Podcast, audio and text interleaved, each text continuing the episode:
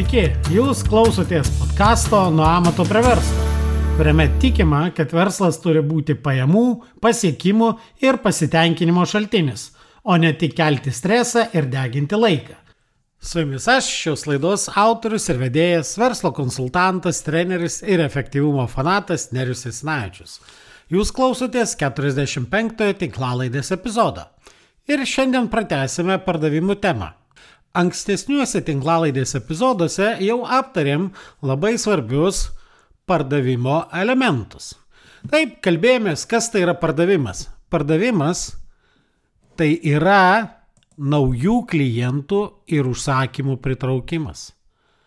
O ne klientų aptarnavimas ir ne kart pakartotiniai pardavimai ar taip vadinamieji užsakymų prieimimas ir jų vykdymas. Taip, pakartotiniai pardavimai, klientų aptarnavimas, užsakymų prieimimas ir vykdymas yra labai svarbu, tačiau tai yra klientų palaikymo funkcija, o ne aktyvių pardavimų funkcija. Taigi prisiminkim, ko mums reikia sėkmingam pardavimui. Pirmiausiai, mes turime aiškiai turėti apsibrėžę tikslinę rinką, kam eisime pardavinėti ir siūlysim, kokiem klientam mūsų siūlomas produktas ar paslauga duoda didžiausią vertę. Taip pat mums reikia turėti aišku pasiūlymą, kuris ne tik tai įvardina klientų problemą, bet parodo, kiek ta problema klientui kainuoja Kaip mes tą problemą išspręsim, kaip suvaldysim rizikas ir įveiksim kliūtis. Taip pat mums reikia teisingų žmonių, kurie dalyvautų tam pardavime. Tačiau dar vienos temos, kurios nepalėtėm, tai mums reikia turėti labai aišku pardavimo procesą, kuriame numatyti žingsniai ir pasiruošti pardavimo įrankius, bei, kaip ir visuomet, reikia turėti proceso valdymo sistemą. Nes jeigu mes turėsime tikslinę rinką, turėsime detalų pasiūlymą tiksliniai rinkai ir turėsime gerus žmonės, be gero proceso mes neparduosime. Mes turim nepamiršti, kad pardavime yra labai nedaug meno ir yra labai daug procesų. Kuomet kalbame apie rimtus pardavimus, ne kramtomą gumą ar buteliuką alaus parduodam, Tai turime atsiminti, kad detalaus pardavimo proceso neturėjimas gali sąlygoti neteisingo žingsnio pasiūlymą klientui ar dar blogiau, bandymą paspausti pirkėją, kuo greičiau apsispręsti sudaryti sutartį, kas paprastai sąlygoja pardavimo praradimą. Apie tokias paspaudimo technikas tikriausiai esate girdėję ir esate susidūrę ne kart, kai va jeigu apsispręsit per dvi dienas, tai gausit papildomą nuolaidą arba čia riboto laiko pasiūlymas ir panašiai. Aišku, jeigu klientas jau subrendęs pirkti, tai toks paskutinis pastumimas, žinoma, gali padėti klientui apsispręsti pagaliau padaryti tą paskutinį žingsnį. Tačiau jeigu klientas dar iki galo nesuprato, kad jis turi problemą arba jis dar nežino, ar jūsų siūlomas sprendimas sprendžia jam tą problemą, toks paspaudimas pirkti ir apsispręsti dažniausiai sukelia tik tai neigiamą reakciją. Todėl reikia nustatyti pardavimų procesą. Ką turi daryti įmonės darbuotojai, kurie dalyvauja pardavime, kurioj stadijoje ir kaip, kokius įrankius naudodami, įvairiausias standartinės priemonės, kad atvesti tą potencialų pirkėją nuo abejingumo iki sandorio sudarimo. Taip, pardavimas tai yra procesas. 11 šios tinklalaidės epizode esu kalbėjęs apie tai, kas yra procesai ir kaip juos valdyti. Šiek tiek priminsiu, kad procesas Tai pridėtinė vertė pridedančių darbų seka, kuri paverčia tam tikrus įdėjimus, inputus rezultatų outputu. Ir proceso tikslas - perdirbti ir transformuoti. Perdirbimas pasiekiamas judant iš vieno proceso etapo į kitą. Taigi, pardavimo proceso tikslas tai yra užtikrinti arba sukurti kliento užsakymą arba kliento sprendimą, pradėti dirbti su mumis, užsakyti iš mūsų. Įdėjimas tai yra pirminis kontaktas su klientu, potencialiu klientu, rezultatas kliento užsakymas. Ir kliento kelionė, pirkimo kelionė, tai ir yra tie žingsniai, per kuriuos klientas turi pereiti, kad iš abejingo taptų mūsų klientų. Kai kalbame apie pardavimų valdymą, apie pardavimo proceso valdymą, dažnai kyla klausimas, kas tai yra pardavimų valdymas. Ar tai laiko valdymas, ar tai dėrybų įgūdžiai, ar tiesiog produkto žinojimas, ar daug skambučių klientam, ar geros sutarčių sudarimo e, žinios ir geri įgūdžiai, ar vis dėlto pardavimo procesas tai yra pirmiausiai pardavimo personalo ir pardavimo veiksmų valdymas.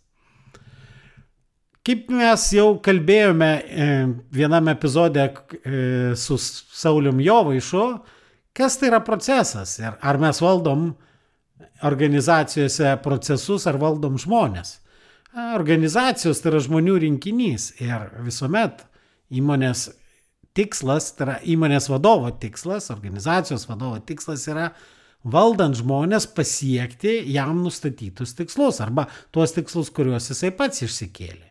Ir procesai yra tik tai vienas iš labai svarbių žmonių valdymo įrankių.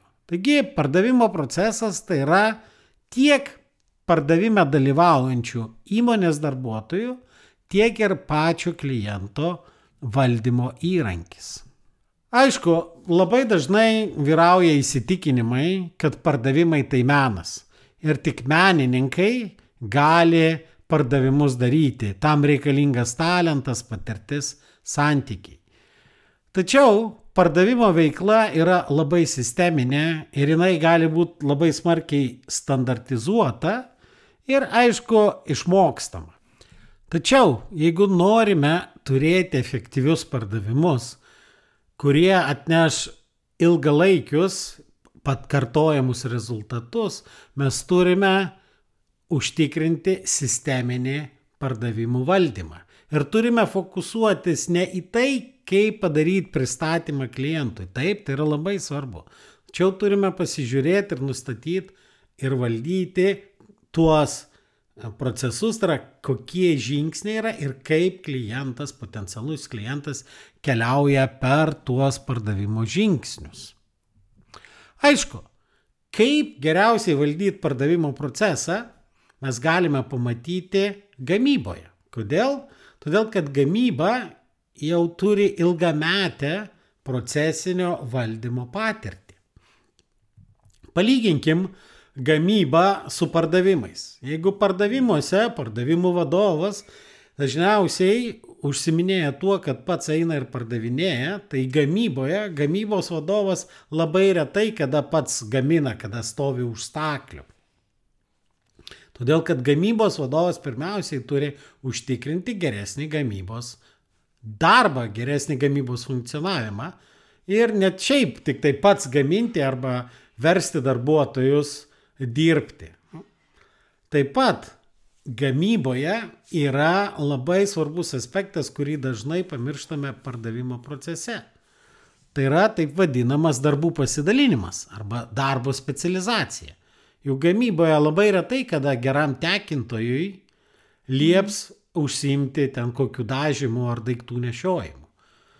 Yra darbo pasidalinimas ir būtent jeigu pasižiūrėti istoriškai, Tai standartizacija ir darbo pasidalinimas buvo pagrindinės,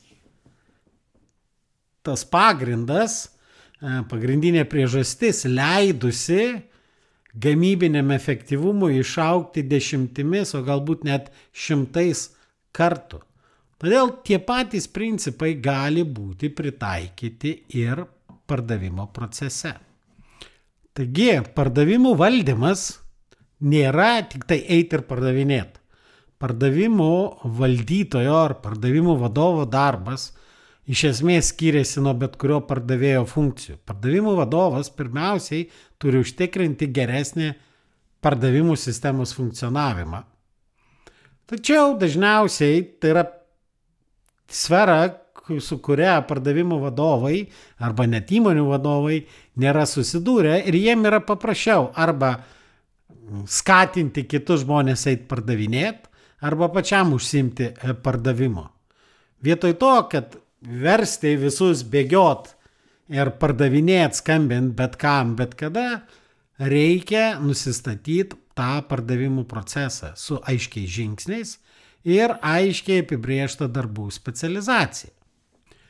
Galbūt kai kam gali užkliūti tas mano kartojimas, ypač apie darbų pasidalinimą ir specializaciją, tačiau mes turim suprasti, jeigu mes turime įmonėje labai gerą pardavėją, Tebūnė taip pat įmonės vadovas, kas labai dažnas atvejis yra smulkiam ir vidutiniam versle, kad pats geriausias įmonėje pardavėjas yra pats įmonės vadovas, tai nereikėtų švaistyti jo laiko darbam, kuriuos gali atlikti žmonės neturintys tokios geros pardavimo kompetencijos. Jeigu vadovas gali daryti pardavimus, tai galbūt turėtų būti kažkoks vadovo padėjėjas ar padėjėja, kuri organizuoja vadovui ar tam geram pardavėjui susitikimus su potencialiais klientais. O tas pardavėjas pats ne švaisto savo laiko susitikimo organizavimui, o važiuoja pas klientus, daro jiem pristatymus, daro pardavimus. Tas pats padėjėjas gali galbūt net paruošti standartizuotus pasiūlymus ir juos išsiųsti klientams, su kuriais jau buvo pardavėjas susitikęs. Taip pat tas padėjėjas gali e, padaryti tuos vadinamosius follow-up ar pakartotinus skambučius, išsiaiškinti, ar potencialus klientas gavo pasiūlymą, ar įvertino, gal turi klausimų, galbūt verta vėl suplanuoti susitikimą su pardavėju. Arba galbūt reikalingi kiti žingsniai pagal numatytą pardavimo procesą.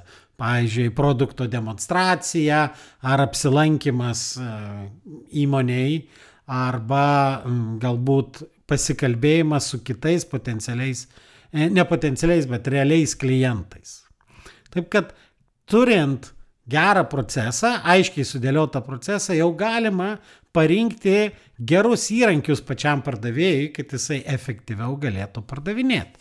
Nes net pats geriausias pardavėjas, kaip pats geriausias lenktynininkas, pasodintas už labai prastą automobilio vairo, nepasieks gerų rezultatų. Taip ir pardavėjas, neturėdamas tinkamų įrankių, jis neužtikrins gerų pardavimų. Kokie yra gero pardavimų valdymo arba pardavimų procesų valdymo elementai? Pirmiausiai, tai kaip jau ir minėjau, turi būti standartizacija. Aiškiai numatyta, koks yra pardavimo procesas, kokie yra pardavimo žingsniai. Jau kaip irgi kalbėjomės epizode apie kaip daryti aktyvius pardavimus, mes ten minėjom, kad procesas yra labai svarbu. Kartais tenka pardavinėti pagal kliento pirkimo procesą ir tai nėra pats blogiausias variantas. Jeigu klientas turi labai aišku pirkimo procesą, jums yra aišku, kaip jam pardavinėti. Jeigu klientas neturi pirkimo proceso, tada jūs turėtumėt pardavinėti jam pagal savo pardavimo procesą. Bet pats blogiausias variantas yra pardavinėti kaip gaunasi. Tai yra neturint nei kliento pirkimo proceso, ne jūsų pardavimo proceso. Tada tai yra daugiau loterija negu sistemingas pardavimas. Taigi pirmiausiai turi būti standartizacija. Toliau turi būti aiškus centralizuotas planavimas. Gamyba yra labai aiškiai planuojama, kada ir kiek žaliavos paduoti į sistemą. Lygiai tas pats pardavimuose mes turėtumėm aktyviai planuoti, kiek naujų potencialių klientų, naujų potencialių galimybių paleisti į tą pardavimo procesą, kad mes skirtumėm potencialiem klientam pakankamai dėmesio, bet nebūtų taip, kad mes prastovim ir nedarome pardavimų. Toliau, kai jau turim standartizaciją ir centralizuotą planavimą, taip pat reikia pasižiūrėti apie tą darbo pasidalinimą, kaip jau ir minėjau Neverskite pardavėjų, gerų pardavėjų daryti darbų, kuriuos gali atlikti daug paprastesnės kvalifikacijos ir kompetencijos žmonės. Na, ne pardavėjas turėtų išrašinėti sąskaitas, ne pardavėjas turėtų ten teikti e, elementarią informaciją klientam ir panašiai. kai jūs užtikrinsit, kad jūsų procesas ar procesai pardavimo yra standartizuoti, jie yra centralizuotai vertinami ir uh, valdomi ir yra darbo pasidalinimas, jūs pamatysite, kaip jūsų pardavimai pradės duoti daug didesnius rezultatus. Žinoma, pardavimų procesą, kaip ir bet kokį kitą procesą, ne tik galima, bet ir reikia matuoti. Tikriausiai teko girdėti tą posakį, kad neįmanoma pagerinti to, kas nematuojama. Taigi, kokie svarbiausi rodikliai turėtų būti matuojami pardavimo procese? Žinoma, tų rodiklių gali būti daug, bet pirmiausiai, ką jūs turėtumėt matuoti ir žiūrėti, kiek pasiūlymų naujiem potencialiam klientam pateikėm per tam tikrą periodą. Štai gamybogi yra labai aišku, kad jeigu mes žaliavų į gamybos procesą nepaleisim, niekada neturėsime pagaminto produkto. Lygiai tas pats pardavimuose. Jeigu mes nepadarėm pirmo žingsnio, nepradėjome kontaktų su klientais, nepateikėm jiem pasiūlymo, tol tikrai niekada neturėsime užsakymų. Taigi pirmiausiai reikia skaičiuoti, kiek pasiūlymų pateikėm ir nusistatyti tikslą - reguliarumą.